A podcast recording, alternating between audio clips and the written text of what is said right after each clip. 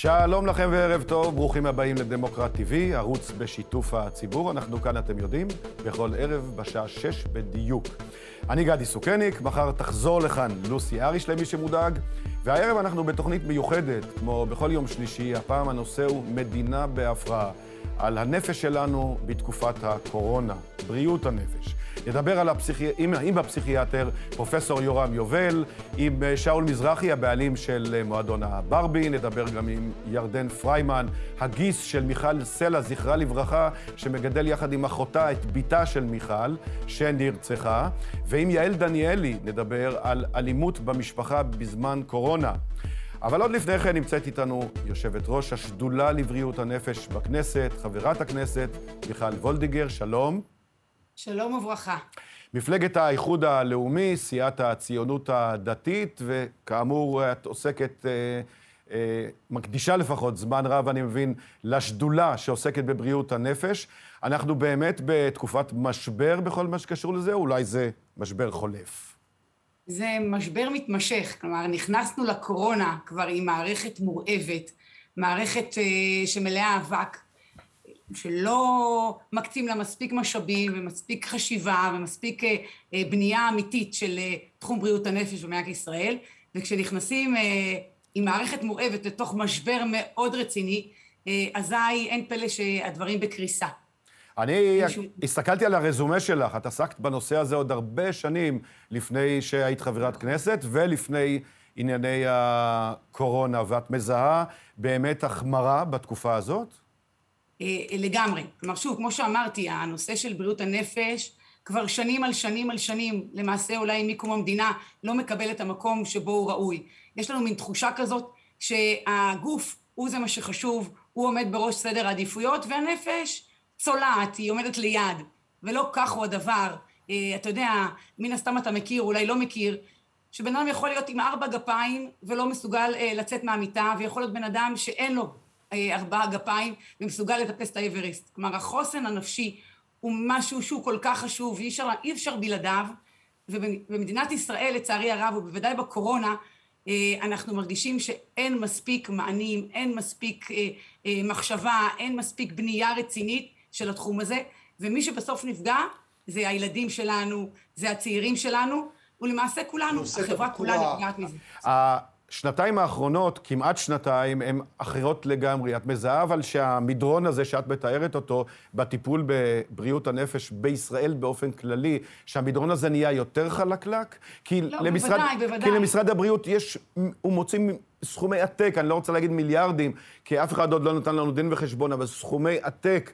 בנושאי ההסברה ובכלל טיפול באוכלוסייה, ואת אומרת שבבריאות הנפש הספציפי אני, לתקופה הזאת, כן, כלום. אז אני, אז אני אגיד לך שהסקרים, יש לא מעט סקרים ולא מעט מחקרים שמצביעים על עלייה אה, דרמטית בפנייה של אנשים אה, לבעצם אה, כל מיני מענים שיש, גם לקופות החולים, גם לפסיכולוגים ופסיכותרפיסטים, אה, אה, ב, אתה יודע, בעצמאי, בפרטי, mm-hmm. גם, ב, גם אה, פניות לער"ן ולכל מיני מוקדים שקיימים, יש למעלה מ-35 אחוז עלייה בפניות אה, ובבקשה לעזרה.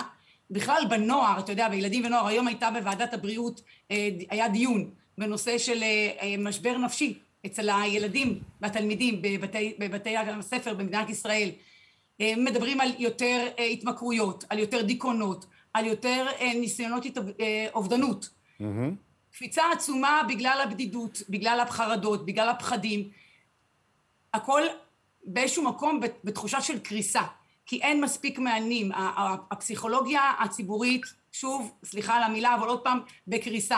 אה, הפסיכיאטרים, אין מספיק פסיכיאטרים. אין מספיק מטפלים ואנשים שיקבלו את כל הפניות הרבות שיש. אז אפרופו העניין הזה, לא מטפלים... אפרופו העניין הזה, כשניצן הורוביץ נכנס אה, לתפקיד שר הבריאות, הוא עשה מהלך מפתיע ואפשר להגיד גם תקדימי, והביקור הראשון שלו היה בבית החולים אברבנאל, שעוסק בדיוק בנושא הזה. קודם קטע ממה שהוא אמר שם.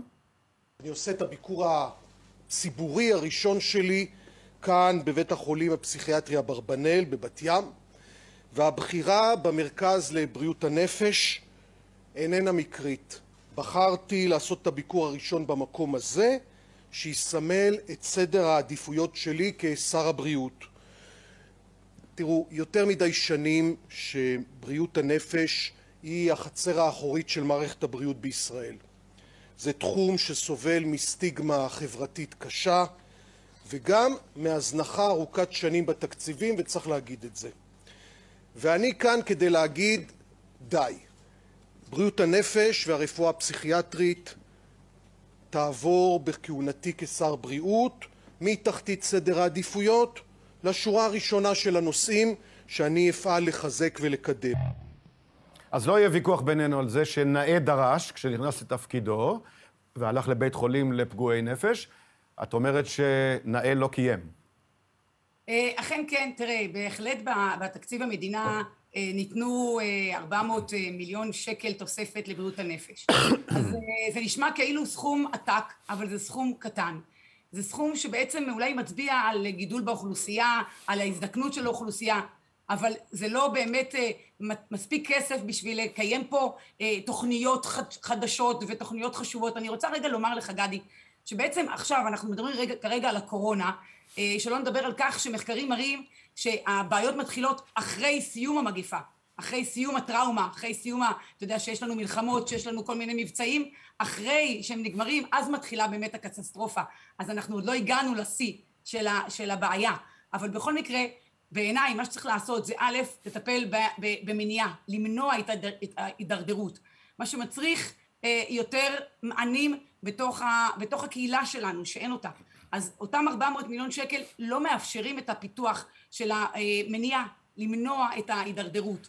אחרי מניעה של הידרדרות צריך גם לטפל, לעשות ולגרום לטיפול אה, אה, מהיר. כלומר, לא כשבן אדם מתקשר לפסיכולוג או, לה, או נדרש לאיזה טיפול פסיכותרפיסטי, הוא יחכה חצי שנה בתור. אבל את רואה, לא את רואה אפשרות באמת להשפיע בנושא הזה?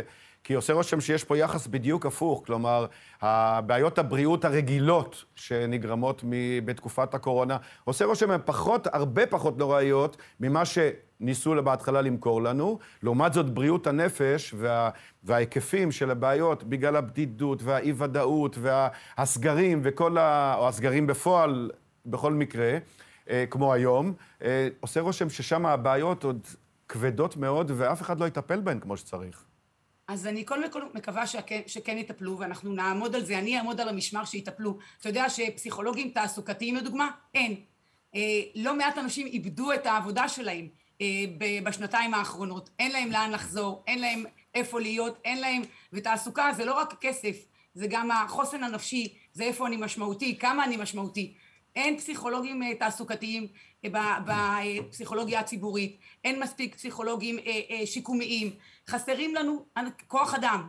צריך להביא את כוח האדם הזה לתוך הפסיכולוגיה הציבורית, לתוך השירות הציבורי, הם בורחים משם, מהיעדר, אתה יודע, המשכורות שלהם זה משכורות מגוחכות, צריך לעשות תמריצים.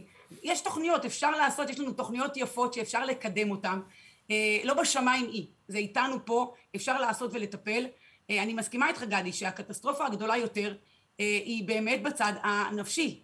האנשים לא יודעים איך להתמודד, קשה לכולנו, כלומר זה לא רק קצה הרצף, עוד לא דיברנו על קצה הרצף, שזה אנשים, איך נראות המחלקות. אני שבוע, לפני שבועיים הייתה, היה דיון בבית המשפט העליון אה, של הפסיכיאטריה, שבעצם פנו לבג"ץ על הצפיפות הנוראית בבתי החולים הפסיכיאטריים, ובג"ץ בהחלט אמר, שלח את משרד הבריאות ל-60-90 יום, שיחזרו אליו עם תשובות. שלא לדבר לי על הילדים שהזכרת בהתחלה, אבל... אה, כן, ולגבי, אתה יודע, רק אתמול שמענו, אה, ברוך השם, הצלחנו להציל את מחלקת הילדים בהדסה, אבל אה, אתמול היה סיפור, סאגה מאוד כואבת, על הרצון של בית חולים הדסה לסגור את המחלקה הפסיכיאטרית לילדים ונוער, כמעט היחידה בארץ, מאחר והם צריכים עוד מחלקה של יולדות קורונה.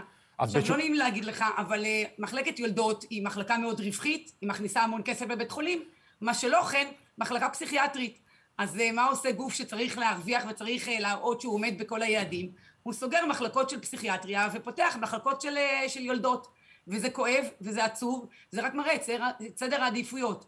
בריאות הנפש נמצאת בתחתית, ומחלקות אחרות נמצאות אי שם למעלה. טוב, אנחנו כנראה לא נפתור את הבעיה כאן, אבל לפחות הצבנו אותה והדלקנו אורות אדומים. ובשלב הזה אנחנו ניפרד, ובוודאי נדבר על זה גם בהמשך. תודה, גדי. אני חייבת להגיד שיש לנו תוכניות סדורות. אנחנו פועלים אה, למען הסדרת הנושא הזה, והנושא הזה בסוף יגיע צ... למקום שבו הוא צריך להגיע. צ... הגוף והנפש, אחד הם. את קואל... הקואליציה הנוכחית, אגב, תשתף איתך פעולה לדעתך? אין לי, אין לי ספק. היא שיתפה והיא תשתף. לא תהיה לה ברירה, גדי. טוב, אז בכל זאת סיימנו באיזה טון אופטימי. עכשיו זה תלוי בך, תלוי בך במידה רבה. תודה רבה. תודה רבה. עכשיו אנחנו ניכנס קצת אה, יותר עמוק לתוך עניין אה, בעיות הנפש שנגרמות בקורונה, על ההיקף שלהן, על הנזקים, מכל, על כל ההיבטים של הבעיה הזאת. שלום, אה, פרופסור יורם יובל. שלום, שלום גדי, שלום לכם. ערב טוב. אז תראה, ברור לכולנו שאפצ'י וקצת חום ואולי קצת שיעול, שפוקדים את כולנו בתקופה, את רובנו בתקופה האחרונה, ומי שלא, כנראה עוד יגיע לזה, הם יחלפו. מה עם בעיות הנפש? מה עם הנזקים הנפשיים שנגרמים בתקופה הזאת? אז התשובה הקצרה זה שאנחנו עדיין לא יודעים, מפני שזה עדיין לא חלף. אבל על המצב הנוכחי, אני יכול להגיד לך שהוא גרוע, ואני אסתכן ואני אגיד אפילו גרוע מאוד. אה, בהרבה מאוד פרמטרים שיש לנו, אה, בריאות הנפש בישראל, ובייחוד בריאות הנפש של ילדים ונוער, אה, נפגעה מאוד מאוד מהקורונה, ויותר משנפגעה מהקורונה עצמה, היא נפגעה מהצעדים שננקטו נגד הקורונה, וזה חשוב לי מאוד להגיד. דיברנו על הממשלה, אז דבר ראשון, אני חושב שהממשלה, וגם את זה צריך להגיד, שהממשלה עכשיו מנסה להתגבר על הזנחה, אה, כמעט הייתי אומר פושעת, אה, של יותר מעשר שנים של הממשלה הקודמת, ושל אה, שר הבריאות, ראש הממשלה, מנכ"ל משרד הבריאות, הקודמים. כן. כן. ש, שמה שהם עשו למערכת הבריאות בכלל ולמערכת בריאות הנפש בפרט, אין לו שם אחר לדעתי אלא סיכול ממוקד. כן? זה את, אה, לוקחים איש אוצר, אני מדבר עכשיו על בר סימן טוב, לוקחים איש אוצר, כן, לא איש רפואה, לא מבין כלום ברפואה, ושמים אותי להיות מנכ"ל משרד הבריאות, כשהמטרה שם היא אחת, כן, לחסוך כסף, כן, להוציא, אה, לא להוציא שם כסף. והתוצאות הן בהתאם. זאת אני חושב שהדרך שבה הגיבה מערכת הבריאות למשבר הקורונה, האנלוגיה שלה זה מלחמת יום כיפור. זאת עם ימ"חים ריקים, עם אה, כוחות לא מוכנים, נתפסו בהפתעה, והצליחו להתגבר ולנצח. אבל זה לא טריוויאלי, ואני חושב, ו- ויש לי ביקורת גם על מה שנעשה עכשיו, אבל צריך להיות ברור שמה שהממשלה עכשיו מנסה לעשות זה לתקן אה, אה, באמת הזנחה מתמשכת, שחלקה אני חושב אפילו הייתה מכוונת. אתה רואה באמת הבדלים גם בטיפול של מערכת הבריאות, כי רבים יגידו ששמות התחלפו, אנשים התחלפו, אבל לא בטוח שהגישה לקורונה בכלל, ול... או באופן כללי, ולבעיות בריאות הנפש שנוצרו בזמן הזה, ספציפית, שהגישה לא השתנתה. אה, את זה עדיין מוקדם להגיד. אני מקווה שכן השתנתה, ויש לי כמה אינדיקציות שאכן כך הם הדברים, אבל כמו שאמרה חברת הכנסת לפני רגע, אנחנו לא יכולים להיות בטוחים עד שלא נראה תוצאות. אה, אני חושב שלפחות ברמה ההצהרתית, אה, העובדה ששר הבריאות החדש עשה את הביקור הראשון שלו באיזשהו בית חולים, בבית חולים לחולי נפש, אומרת הרבה, זה, זה, זה הצהרה. אני חושב שעכשיו נותר לראות אם בעקבות ההצהרות יבואו גם תקציבים ויבואו גם שינויים. אני באופן אישי אופטימי, אבל את זה צריך לראות. אבל עבר כבר לא מעט זמן, גם הממשלה הזאת כבר בפנים, אבל המשבר כולו הוא כבר עוד מעט שנתיים. ואמרה קודמתך, וגם אתה אומר, וגם אני אומר, שלא ראינו אה, שמקדישים יותר מדי, אם בכלל, אה, ספציפית לבעיות הנפש שנוצרו, והן באמת אה, מכל הכיוונים, זה המבוגרים, זה הילדים, זה אנשים בסגרים, זה ה... כמעט הייתי אומר, השנאה הזאת בין אנשים, על פי הגישה שלהם להיסטריה. האם הם היסטריים או לא? כן, אז, אז אני אגיד מה כבר ראיתי, איפה ראיתי שינויים. ו- ואני כן ראיתי שינויים לטובה בהקשר הזה. כן. אני חושב שאחד הדברים זה שיחסית לממשלה הקודמת, וספציפית למי שעמד בראשה, אה, היום מנסים להפחיד אותנו פחות. זאת אה, אה, עדיין מנסים להפחיד אותנו, ואני לא בטוח שכל ההפחדות האלה בצדק, אבל לפחות הרושם שלי זה שיש מאמץ פחות מאמץ נגיד, או, או מתאמצים לא כל כך, כן, להפחיד את הציבור הישראלי ולגרום לו להסתגר בביתו. אין ספק, כי המערכת ש... הקודמת באמת אה, התגייסה פוליטית לטובת אה, ראש הממשלה. אבל המערכת הנוכחית, היינו מצפים שבכל זאת, שמפלס ההחרדה וההפחדה ירד קצת יותר. נדמה לי שהוא עדיין גבוה מאוד. כן, וכאן אני אומר את זה, ופה יש לי ביקורת, המדובר באנשי מקצוע מוערכים. אה, אבל אני חושב שהאנשים שמכתיבים את מדיניות הקורונה היום במדינת ישראל הם אותם אנשים, ואני מדבר על מנכ"ל אה, משרד הבריאות שלא, התחת... שלא התחלף, פרופסור אש, אני מדבר על דוקטור שרון אלרועי פרייס, אה, אני מדבר על חלק מהיועצים שחלקם חברים אישיים שלי, כמו פרופסור בליצר, אני חושב שהאנשים האלה שנתנו את הטון ב... ב... בממשלה הקודמת, עדיין נמצאים בעמדות החלטה והשפעה היום. אני חושב שהם היום מתונים יותר, אבל אני חושב ש, שיש פה בעיה, ואני, ואני אקרא לה בשמה, אני אקרא לה בשמה. כל האנשים האלה, כן, אה, חוץ מפרופסור אש, אבל ודאי דוקטור אלרעי פרייס, פרופסור בליצר, אה, הם אפידמיולוגים. ואפידמיולוגים מטפלים במגפות. ו, ואני רוצה להדגיש את העניין הזה, כי זה דבר חשוב, כן? לשאול אפידמיולוג אם צריך לנקוט עוד צעדים כדי לצמצם את היקף המחלה, זה כמו לשאול סוכן ביטוח אם אתה צריך עוד ביטוח. אוקיי? הוא, הוא יגיד לך, כן, בטח שצריך, תראה, פה אתה לא מכוסה, ופה אתה לא מכוסה, ופה אתה לא מכוסה. במילים פשוטות לא... קוראים לזה כיסוי תחת. אה, בוא, אני נותן להם את הקרדיט שכוונותיהם לשם שמיים. כן, שזה, אני, אני באמת חושב... כמו שאתה אומר, אין גבול לביטוח, אין גבול לכיסוי. זהו, זהו, זהו, ולכן אתה לא צריך לשאול סוכן ביטוח, כן? אתה צריך לשאול יועץ פיננסי, כן? אתה, אתה צריך לבדוק, כי כל דבר זה, זה תמיד איזונים, ופה חשוב לי להגיד, האפידמיולוגים מטפלים במגפות. אנחנו הרופאים, הפסיכולוגים, כן, מטפלים בבני אדם. ו, ומפה זה נראה אחרת לגמרי.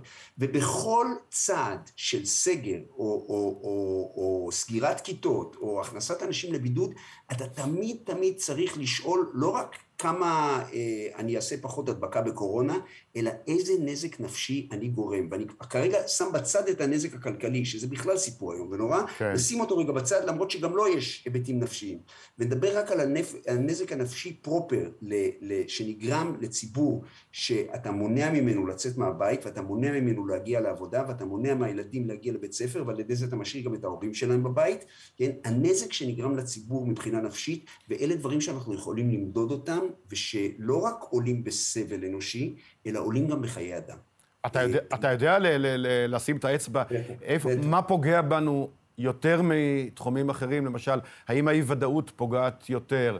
האם הבדידות פוגעת יותר? האם ה... אני אתן לך דבר נורא פשוט. החרדות. אני אתן לך דבר, זה דברים אפילו יותר פרוזאיים מזה. הילדים שלנו הפסידו שנה שלמה של לימודים, ועכשיו הם בדרכם, אם לא ישתנה משהו במדיניות, הם בדרכם להפסיד גם שנה שנייה. עכשיו, אני לא אומר שזה היה מיותר. אני חושב שחלק לפחות מהדברים האלה, ודאי בסגר הראשון, כשעוד לא הבנו מה הווירוס עושה, כן, היה מוצדק. אבל אני חושב שעכשיו המדיניות שננקטת היא מדיניות שמנסה לצמצם את המגפה ולא מסתכלת מספיק על התוצאות. אמרתי, כי האנשים האלה אפידמיולוגים, הם לא פסיכולוגים, הם לא פסיכיאטרים, הם לא רופאי ילדים, כן? הם לא רופאי משפחה.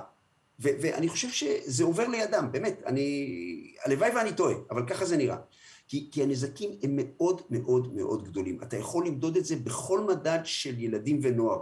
אה, אה, אלימות של ילדים, אה, חרדות של ילדים, אלימות נגד ילדים, כי זאת אלימות בתוך המשפחה, שאנחנו בכל דבר, פניות לער"ן, פניות למרכזי בריאות הנפש, הם סתומים לגמרי, כן? בגלל שייבשו אותם באופן שיטתי בממשל הקודם, וגרמו לזה שאנשי מקצוע ברחו מהפסיכולוגיה הציבורית, מהמעט תקנים שעוד היו. כן. כן.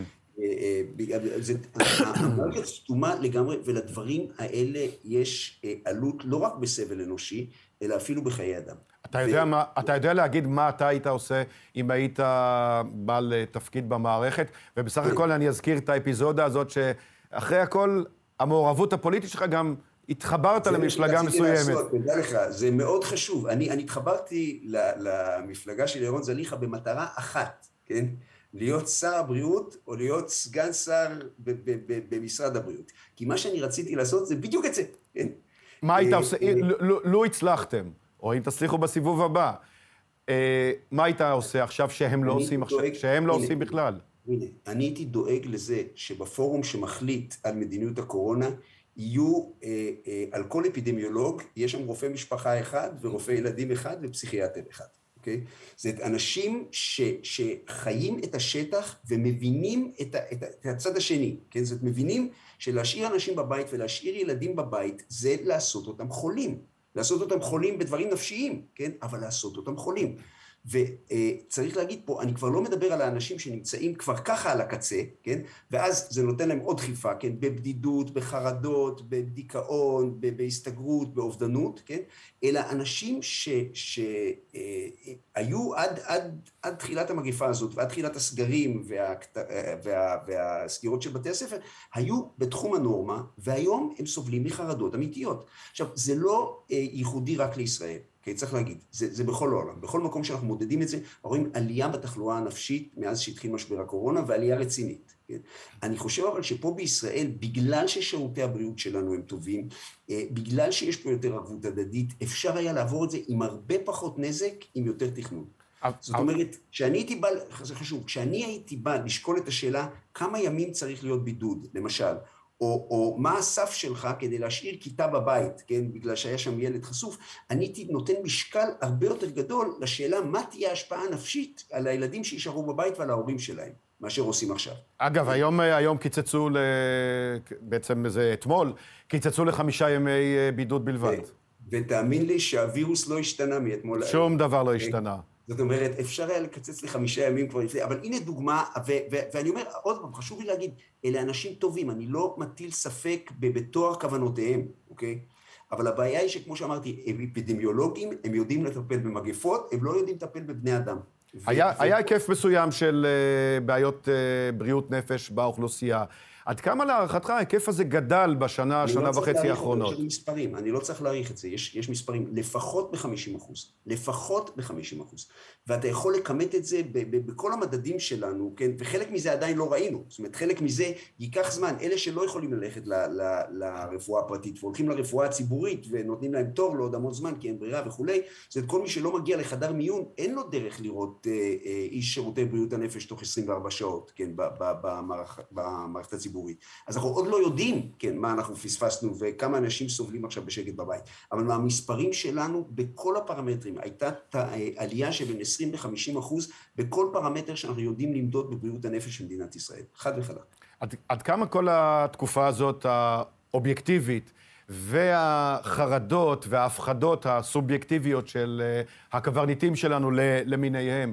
עד כמה, ש... עד כמה לדעתך זה יגרור אותנו לטווח ארוך מבחינת יחסים בין בני אדם במדינה הזאת, מבחינת המרקם החברתי, התיעוב ההדדי, החשדנות ההדדית הזאת, שכל אז, אחד אז, מאיתנו אז נתקל פה, בה. כן, אז, אז פה, גדי, אני דווקא אופטימי. הריחוק החברתי. הריחוק החברתי, אתה שואל אותי מה יקרה כשזה ייגמר. ואם נסתכל על החברה הישראלית, יש לה יכולת טובה מאוד לריבאונד.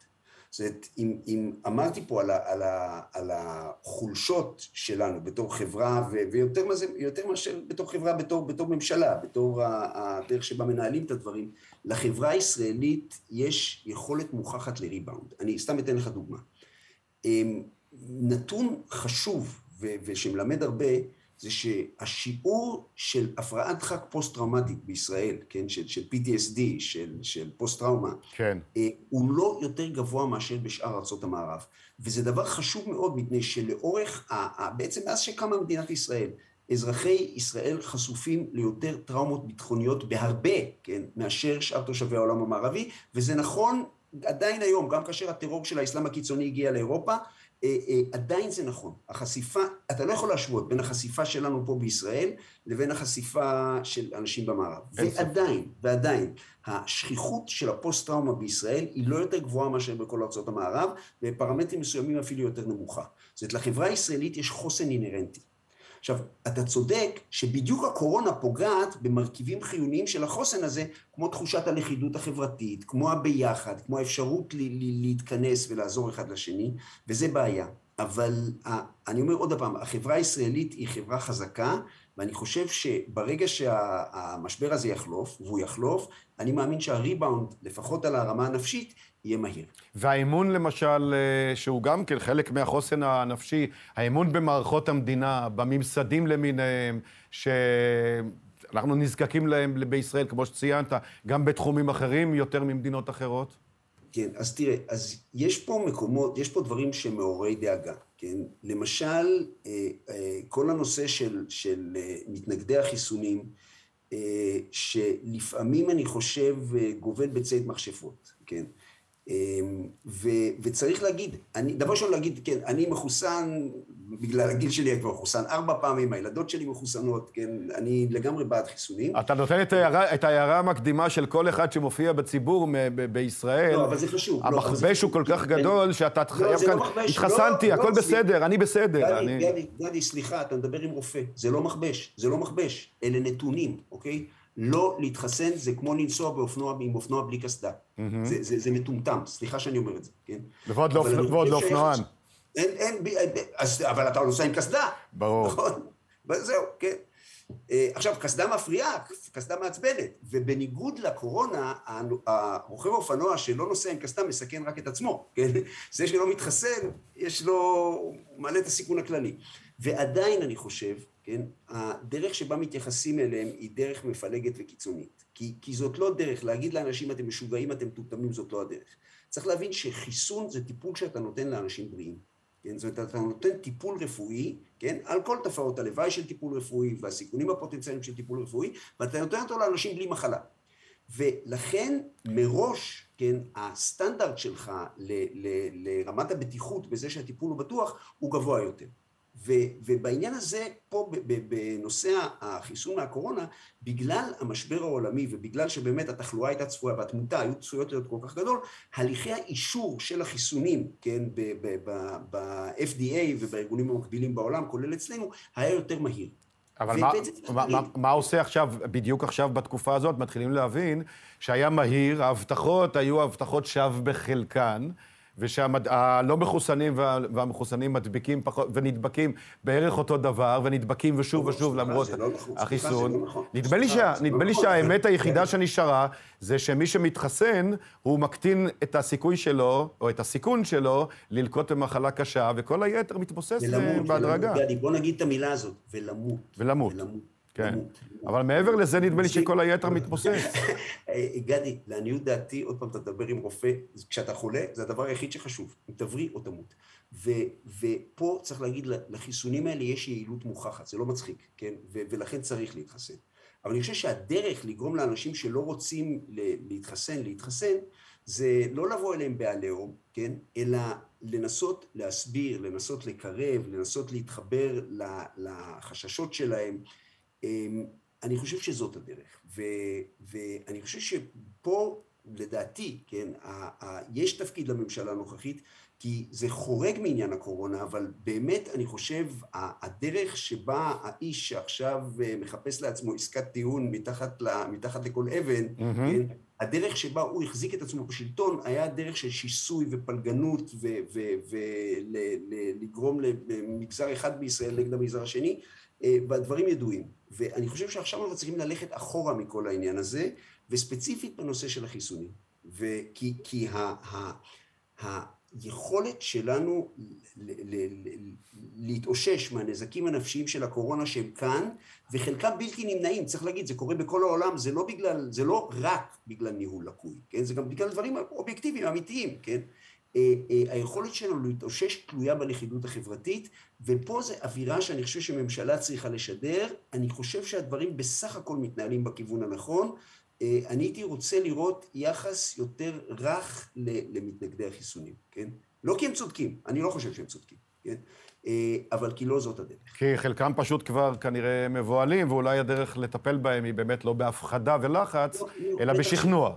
שלא, בטח שלא. אתה לא גורם לאדם לשנות את דעתו אה, אה, בצורה כזאת. אתה לא, זה, זה לא, לא זאת הדרך. כן. פרופסור יורם יובל, היה מעניין מאוד כרגיל, תודה רבה. גם לי, גם לי, תודה גדי.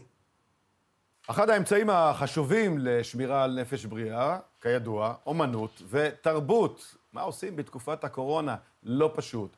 במועדון הברבי בתל אביב, למשל, החליטו לסגור את השערים של המועדון, ושאול מזרחי, בעלי הברבי, נמצא איתנו. שלום. ערב טוב, מה נשמע? גלה לנו את הסוד, איפה אתה נמצא? אני יודע.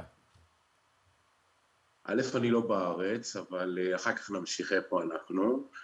אבל אני אגיד לכם מה, מה, מה קרה, אני אסביר. אנחנו כבר אה, שנתיים בתוך כל התסבוכת הזאת שנקראת קורונה, ואני חושב שהטרלול האינסופי הזה, סביב מה שהציבור חווה, אנחנו שיושבים בשורה הראשונה בשירות הלקוחות, חווים את זה לא מעט, ויש המון המון סטרס והמון לחץ.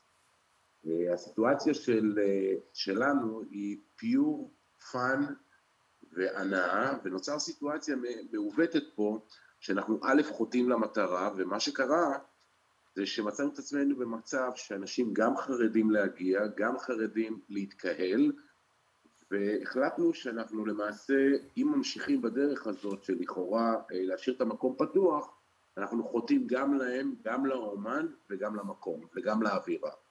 אז מה אתה עושה? החלטנו שאנחנו לוקחים צעד, סגרנו, החלטנו שאנחנו את השבועיים הקרובים אה, בפועל, אחרי כל הדעות של המומחים אה, והגל הגדול שעומד ומתקרב לנו, החלטנו שאנחנו, איך אומרים, נתכופף כמעט ונעבור אותה בצורה בלי להפריע להנאה של הציבור. אי לכך ובהתאם לזאת לקחנו החלטה ולמעלה מ-15 הופעות פשוט הסטנו קדימה ונתנו לאנשים מרווח של זמן סבלנות להפנים לא להיכנס למאכולת של הלחץ, וככה יצרנו סוג של איזה רגיעה. זה הדבר הראשון שעשינו. דבר נוסף, הצוות והצוותים שלנו עובדים לא מעט בתקופה הזאת סביב אה, למה אתם בלי מסכה ועם מסכה ואנשים בלחץ וצריכים להבין שהציבור שלא יודע לאן לפנות הוא פונה אלינו, אנחנו קו ראשון ופונה אלינו בתקיפות לא מעטה ולא בגלל שהוא רואה אותנו כסוג של איזה שק אגרוף אלא פשוט יש סטרס באוויר וזה גם מובן.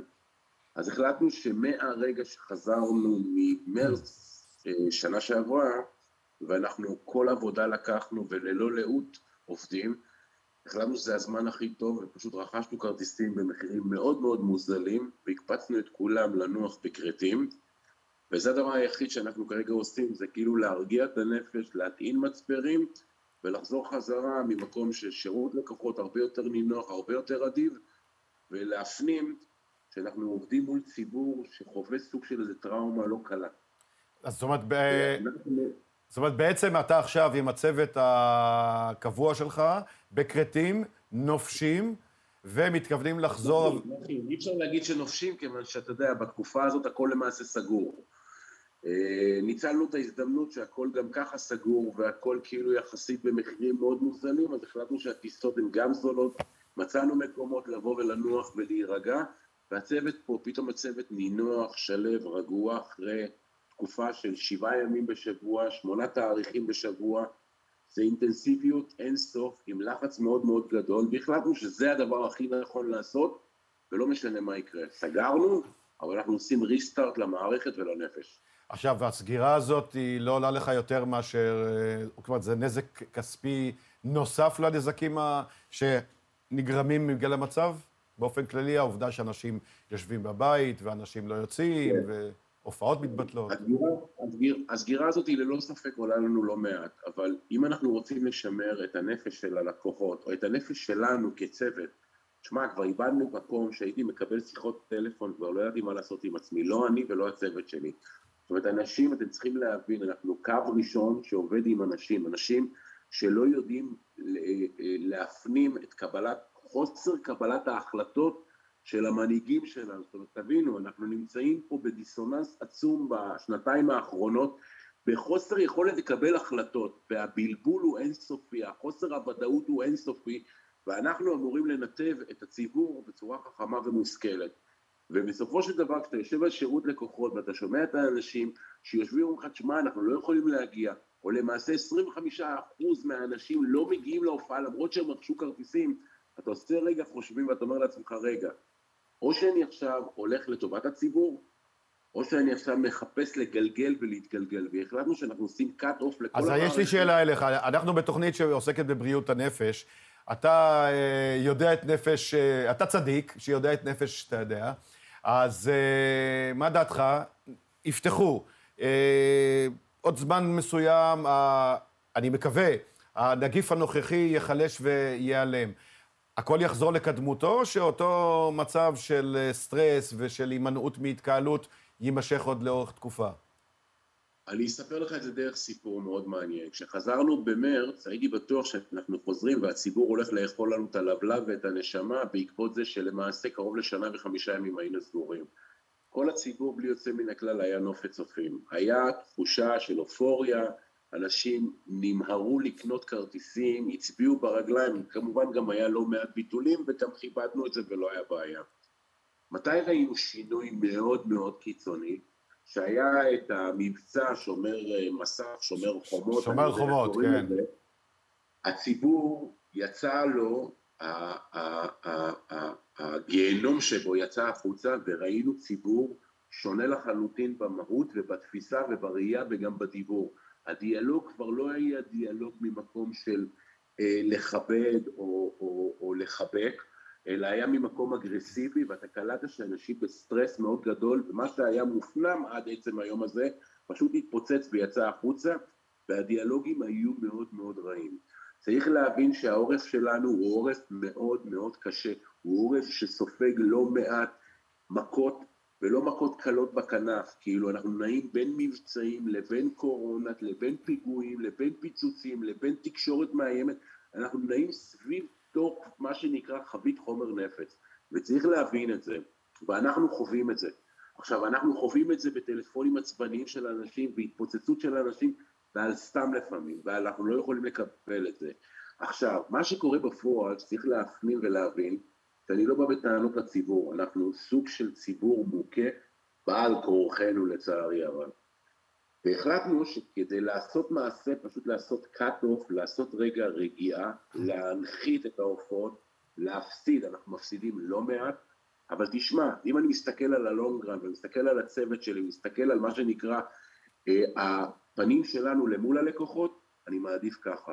הבנתי. ושימו לב, אגב, לאורך כל המלחמה שלנו והוויכוחים שלנו והצעקות שלנו, לא באנו ואמרנו שלמו לנו, באנו ואמרנו קחו אחריות, אל תפקירו אותנו בפרונט, של כל המאבק הזה, ותיתנו לנו לשכב על הגדר. אז, אה, אז ש, שאלת סיכום לתשובה קצרצרה. אמרתי לך, שאלתי אותך, ניתחת את המצב, ייגמר הגל הזה, יש מצב שאתם חוזרים לפעילות רגילה, הסטרס יורד, האגרסיביות אה, לא תבצבץ ב... במלוא משמעותה, כמו שסיפרת אחרי שומר חומות, או שאתה חושש להשפעה ארוכת טווח?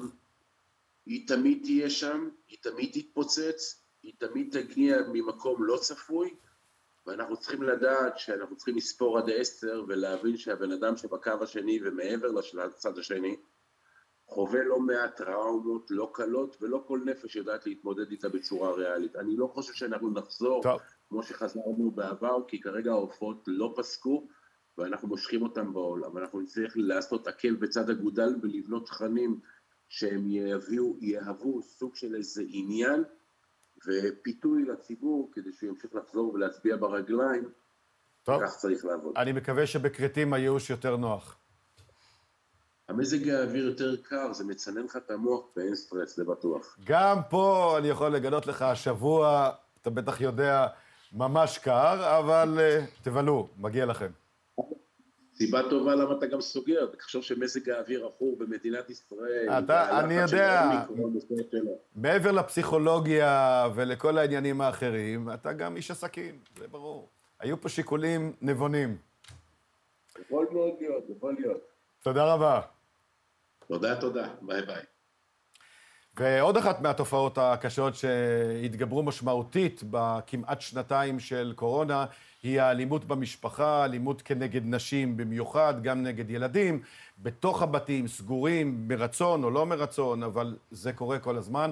כדי לדבר על התופעה הזאת, וגם על פרויקט מעניין שאיכשהו התחבר אל התופעה הזאת, ונועד לקדם את המאבק בתופעה של אלימות נגד נשים, שלום יעל דניאלי. שלום, היי גדי. שאת בעלים של המותג uh, about, Out and About. Out and About, נכון. ונדמה לי שאת אה, אולי גדולת המדפיסי החולצות בארץ. נכון, זה סטודיו ההדפסים הכי גדול בישראל.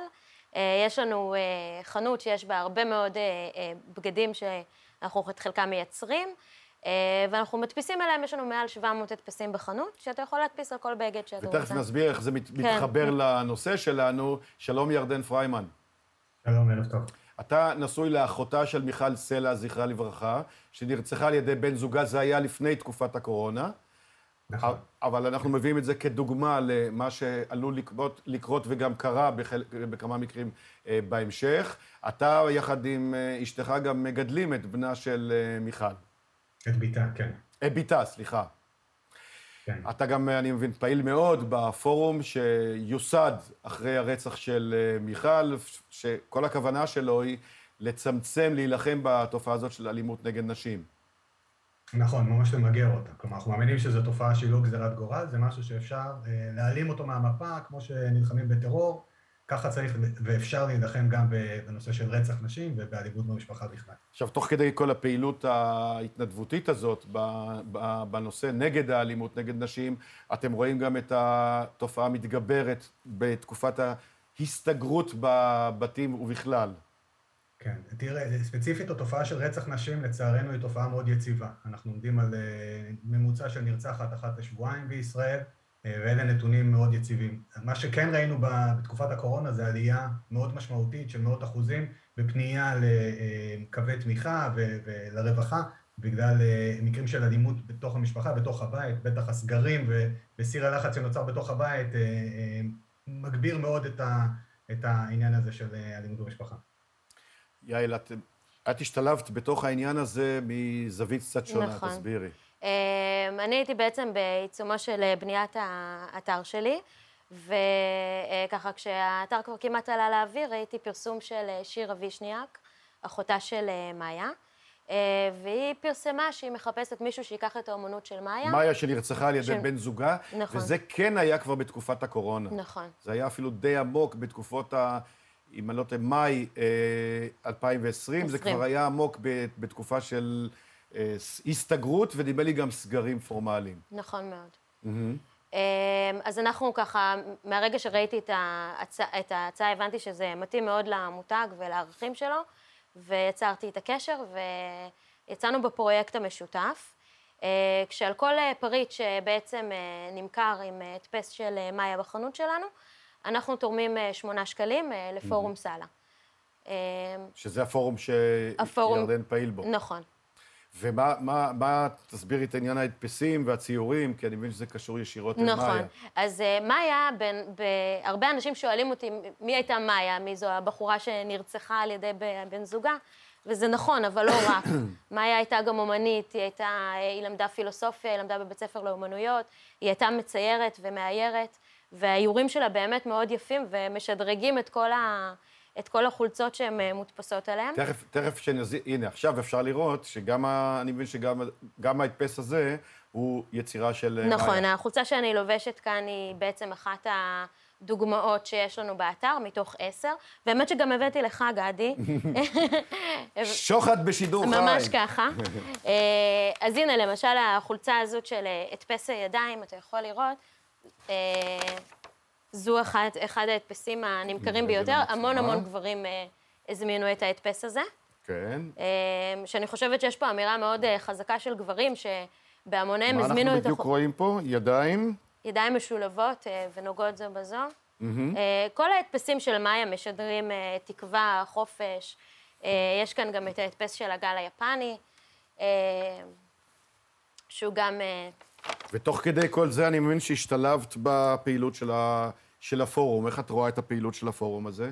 אמ, האמת שמשפחת וישניאק הציעה לי כמה אפשרויות, והחיבור לפורום היה מיידי, איך שהבנתי שיש אפשרות לעבוד עם, אה, להעביר את התרומה לפורום סל, אז זה היה נראה לי החיבור הכי מיידי, אני עוקבת אחרי הפעילות שלהם.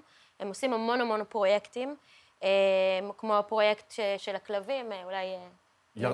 לא, ירדן, ירדן יכול להסביר את זה יותר ממני. תסביר את הפרויקט של הכלבים. יש את פרויקט הכלבים, יש, יש הרבה פרויקטים כן, של... ירדן, תסביר לנו. אני אגיד אולי רגע מילה דווקא על הפרויקט של יעל, כי אני חושב שמאוד חשוב להבין שההנצחה של מאיה דרך הציורים שלה, אה, זה חלק מהמהפכה. אנחנו מנסים להציג את הנשים האלו אה, לא כנשים מסכנות. אם תזכרו, לפני כמה שנים, כל פעם שאישה הייתה מתראיינת, היא הייתה עם פנים אה, מוחשכות ועם קול מעוות.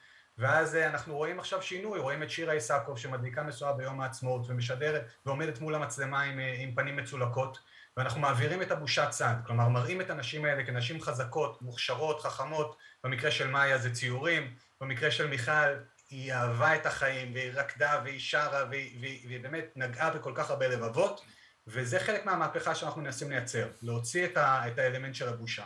אמ, ספציפית לגבי נושא הכלבים, פרויקט הכלבים זה אחד מהפרויקטים שלנו, הנה בדיוק רואים אותו על המסך, אמ, לייצר תחושת ביטחון והגנה לנשים, במקום שאישה תצטרך לעזוב, אישה שמאוימת על ידי הגרוש שלה, שהיא אה, חווה סכנה ואיומים לחיים שלה, במקום שהיא תצטרך לעזוב את ביתה, את עיר מגוריה ולעבור למקלט, אנחנו מספקים לה כלב הגנה שהולך איתה לכל מקום, הוא חיית מחמד של הילדים, הוא, אה, אה, הוא משחק עם הילדים והוא חי איתם, אבל ברגע שהאישה הזאת נדרכת או, או חווה איזשהו פחד או סכנה, הכלב נעמד לפניה, ובפקודה הנכונה הוא גם יודע אה, לרוץ ולנטרל, להפיל ארצה את התוקף, בן אדם שמנסה לתקוף אותה, ולאפשר לה להימלט.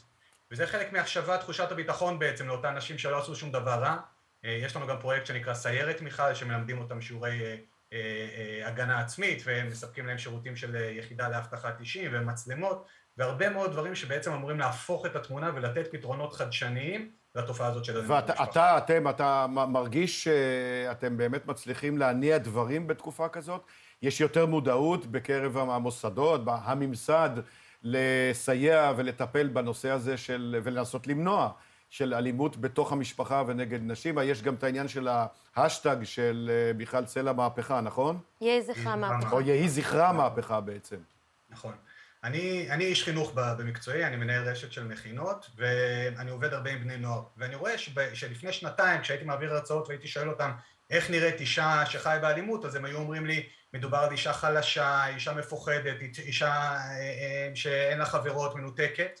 והיום התשובות הן אחרות, היום הם אומרים זה יכול לקרות לכל אחת, זה יכול לקרות לכל אישה שכלפי חוץ אנחנו לא נדע כי היא מצליחה והיא חכמה והיא מוכשרת ובתוך הבית היא נמצאת באיזשהו כלוב, באיזשהו אה, אה, ממש כלא של, אה, של גבר שהוא קנאי ואובססיבי והוא מנסה להשיג עליה שליטה ויכול להיות שגם הוא כלפי חוץ לא נראה כמו בהכרח אדם אגרסיבי ואלים יכול להיות שהוא בכלל הרופא או שהוא אה, אה, אה, מורה בבית הספר או שהוא אדם שנראה כלפי חוץ נורמטיבי לגמרי והבעיה שם היא בעיה של קנאה ושל אובססיביות וזה לא בהכרח אומר שזה קורה רק לנשים מוחלשות זה יכול לקרות לכל אחת. מתחושתך אה, זה באמת, יש יותר מודעות בתקופה הזאת? אנחנו מקבלים המון המון תגובות על הפרויקט. אה, הפרויקט הזה פורסם בהרבה מקומות וקיבלנו הרבה פידבקים לגביו. גם פנו אלינו נשים שהן היו בנות זוג לשעבר ושחוו אלימות בעצמם, ואנחנו מקבלים המון פידבקים חיוביים על הפרויקט הזה, ועצם העובדה שנמכרים המון המון חולצות ובגדים באופן כללי, גם סוואטשרטים, שמלות וכולי, אה, מראה בעצם שאנשים הולכים אה, להיות עם החולצות האלה, שבעצם החולצה עצמה היא הצהרה. כשאתה הולך עם החולצה עם החתימה. זה? אה, אפשר להשיג את החולצות באתר שלנו, mm-hmm. נכנסים ל-ONACOIL, אפשר לגלול קצת למטה ויש שם לינק ישירות לגלריה של, mm-hmm. של מאיה, הנה פה רואים עכשיו באתר. הגלריה של מאיה היא בעצם חנות בתוך החנות, אפשר להיכנס, לבחור איזה בגד רוצים להדפיס עליו, זה יכול להיות סוואטשרט, חולצה לילד, שמלה לילדה, אפילו בגד גוף לתינוק. אה, בוחרים אה, צבע, אורך שרוול ואיזה הדפס מבין ההדפסים של מה היה רוצים להדפיס. תודה רבה, יעל. תודה רבה, ירדן. יהי זכרה מהפכה. נדמה לי שזה סוג של אה, תפילה כלשהי. אמן, תודה. תודה רבה. תודה רבה לכם, הצופים והשותפים של דמוקרט TV. התוכנית הזאת הרי אפשרית רק בזכותכם. וכמה חשוב שיש ערוץ תקשורת שלא מפחד להביע עמדה נחרצת בעד הדמוקרטיה, בעד שלטון החוק, נגד אלימות כלשהי, מכל הסוגים, ונגד שחיתות. המהדורה המרכזית של דמוקרט TV, בימים ראשון עד חמישי, בשעה שש בערב, להתראות.